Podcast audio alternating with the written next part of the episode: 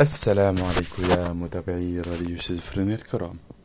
أتمنى دايما تكونوا بخير. معكم مصطفى إسماعيل مع برنامجكم قعدة تاريخية. في حلقة المرة اللي فاتت اتكلمنا عن القباب اللي كانت موجودة في المسجد الأقصى.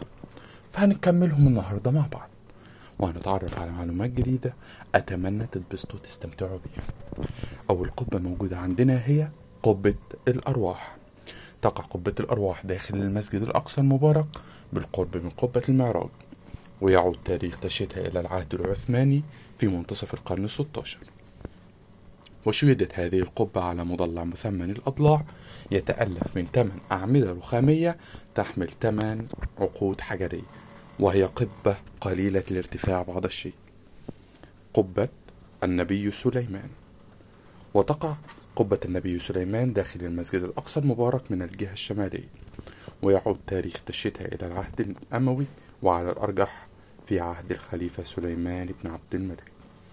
وتقوم على بناء مثمن يبدأ بأربعة من الرخام وتم تخصيص واحدة منها لباب دخول يواجه المحراب. وفوق المسمن تم تشييد عمود أسطواني وفتحت به ثمان نوافذ معقودة للإضاءة. وفوق هذا العمود خوذة القبة وهي حجرية متينة البنيان وبداخل هذه القبة توجد صخرة صغيرة قبة الخضر. تقع قبة الخضر داخل المسجد الأقصى المبارك في الزاوية الشمالية الغربية لساحة قبة الصخر ويعود تاريخ تشييدها إلى الفترة العثمانية وتقوم هذه القبة على ستة أعمدة رخامية رشيقة وتحمل الأعمدة عقود حجرية مدببة ومزخرفة. قبة المعراج. تقع قبة المعراج داخل المسجد الأقصى المبارك إلى الشمال الغربي من قبة الصخر وشيدت عام 1200 ميلادي بأمر من الأمير عز الدين الزنجلي والي القدس في عهد السلطان العادل أبو بكر بن أيوب. وتم تشييدها لتخليد ذكرى المعراج وتذكر بعض المصادر أن القبة بنيت مكان قبة أخرى قديمة تعود إلى عهد عبد الملك بن مروان. وقد أشار إلى وجودها الرحالة ناصر بن خسرو قبل استيلاء الصليبيين على المدينة وهدمهم لها. ويعتبر ويعتبر التصميم المعماري للقبة فريد من نوعه وهو مسمن الشكل مثل قبة الصخرة المجاورة له. ونجد في كل ركن من أركان المسمن أربعة أعمدة مدججة إلا الجهة الجنوبية التي بها عمودان ليصبح مجموع الأعمدة 30 عمود. وتحمل الأعمدة ثمان عقود مدببة سدت فتحتها بالرخام فيما عدا ضلع واحد يقع في الناحية الجنوبية وقد شيد به محراب حجري تبرز حنيته من الخارج. ويقابله أيضا ضلع في الناحية الشمالية فتح به باب الدخول إلى القبة.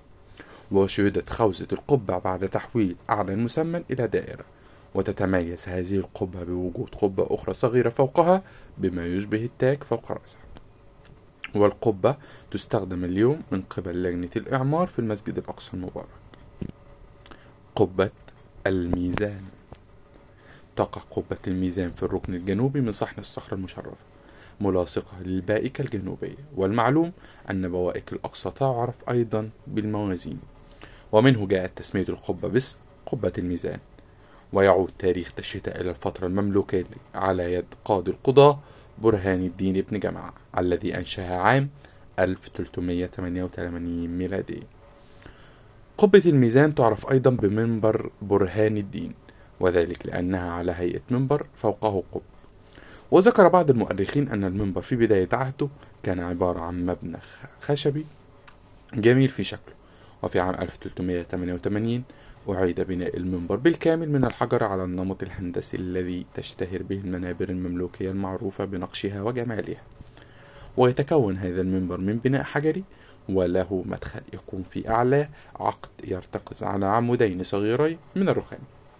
ويصعد منه إلى درجات قليلة تؤدي إلى دكة حجرية معدة لجلوس الخطيب وتقوم فوقها قبة لطيفة صغيرة. وقد أقيمت على أعمدة رخامية جميلة الشكل. وقد جدد المنبر مرتين الأولى في عهد السلطان العثماني عبد المجيد بن محمود الثاني عام 1843 والثانية أواخر سنة 2000 ميلادية. على يد مجموعة من الطلبة الإيطاليين وذلك عن طريق دائرة الأوقاف الإسلامية. قبة يوسف أغا. تقع القبة داخل المسجد الأقصى المبارك على الجانب الغربي من الجامع القبلي. وتم تشييدها عام 1092 هجرية بأمر من يوسف أغا الوالي العثماني على القدس. وقد كانت على ما يبدو مخصصة للعبادة على مقربة من الجامع القبلي. وهي تغطي هذه القبة مساحة مربعة شيدت بمداميك من الأحجار المشذبة وقد فتحت ثلاثة جدار بها كاملها تقريبا على ساحة الأرض المسجد الأقصى المبارك. وذلك باستخدام عقود مدببة بينما شيد المحراب في الجدار الجنوبي وهو محور مجوف وبسيط. قبة النبي موسى.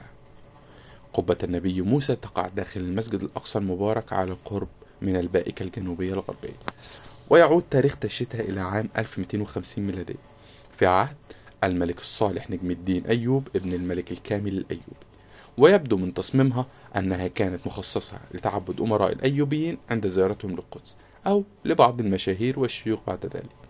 والقبة هي مربعة الجدران فتحت بها نوافذ الإضاءة ويقع المدخل في الضلع الشمالي المواجه لجدار القبة ومن ناحية الشكل وقد تم تحويل المربع إلى مثمن وقد فتحت في أضلاع المثمن نوافذ للإضاءة ومع ذلك تم تشييد خوذة القبة المثمن قبة النبي.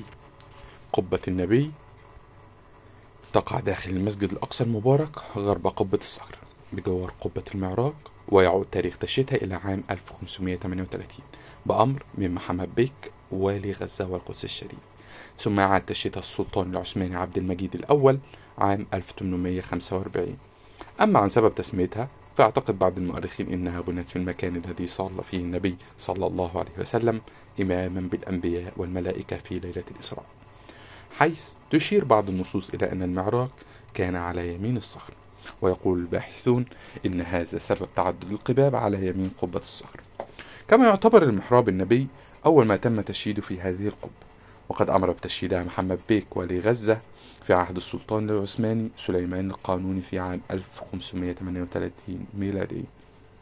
والمحراب على هيئة مستطيل رخامي لا يرتفع عن الأرض كثيرا وفي نهايته شكل ثلاثي الأضلاع أكثر ارتفاعا من بقية المستطيل. وفي عام 1845 قام السلطان عبد المجيد الثاني بتشييد قبة فوق هذا المحراب ومنها جاء التسمية وهي مسمنة الشكل قاعدتها من ثمان أعمدة رخامية رشيقة تحمل ثمانية من العقود الحجرية المدببة قبة يوسف. تقع قبة يوسف داخل المسجد الأقصى المبارك جنوب قبة الصخر ويعود تشييدها إلى العهد العثماني عام 1681 وسميت القبة بقبة يوسف تيمنا وتذكار بيوسف بن أيوب المعروف بالناصر صلاح الدين الأيوب. وتقوم هذه القبة على بناء مربع تتألف قاعدته من عمودين رخامين رشيقين وجدار في ناحية القبلة ومن ثم فهي عبارة عن ثلاث عقود مفتوحة وجدار مسدود وبوسط هذه الحجار حنية صغيرة تشبه المحاريب المجوفة وبداخلها نص على لوح يحمل اسم صلاح الدين وهذا اللوح مأخوذ من برج بناه السلطان على سور المدينة عند الخندق. وخلف هذا النص من الخارج يوجد نص آخر يبين أعمال البناء التي أجريت في العهد العثماني واسم المشرف على البناء وهو أغا يوسف أغا قبة عشاق النبي. تقع قبة عشاق النبي عليه الصلاة والسلام داخل المسجد الأقصى المبارك في الركن الجنوبي الشرقي من باب العتبة ويعود تاريخ تشييدها إلى عام 1817 في عهد السلطان العثماني محمود الثاني. ولهذا السبب تعرف باسم إيوان السلطان محمود الثاني. وأما اسمها الحالي فمصدره اعتياد بعض الشيوخ الصوفية الاجتماع لذكر تحتها. قبة النبي عيسى أو مهد النبي عيسى. تقع قبة النبي عيسى والمسمى أيضا مهد النبي عيسى عند الزاوية الجنوبية الشرقية لسور القدس وسور المسجد الأقصى. وتم تشييدها لتخليد ذكرى النبي عيسى عليه السلام.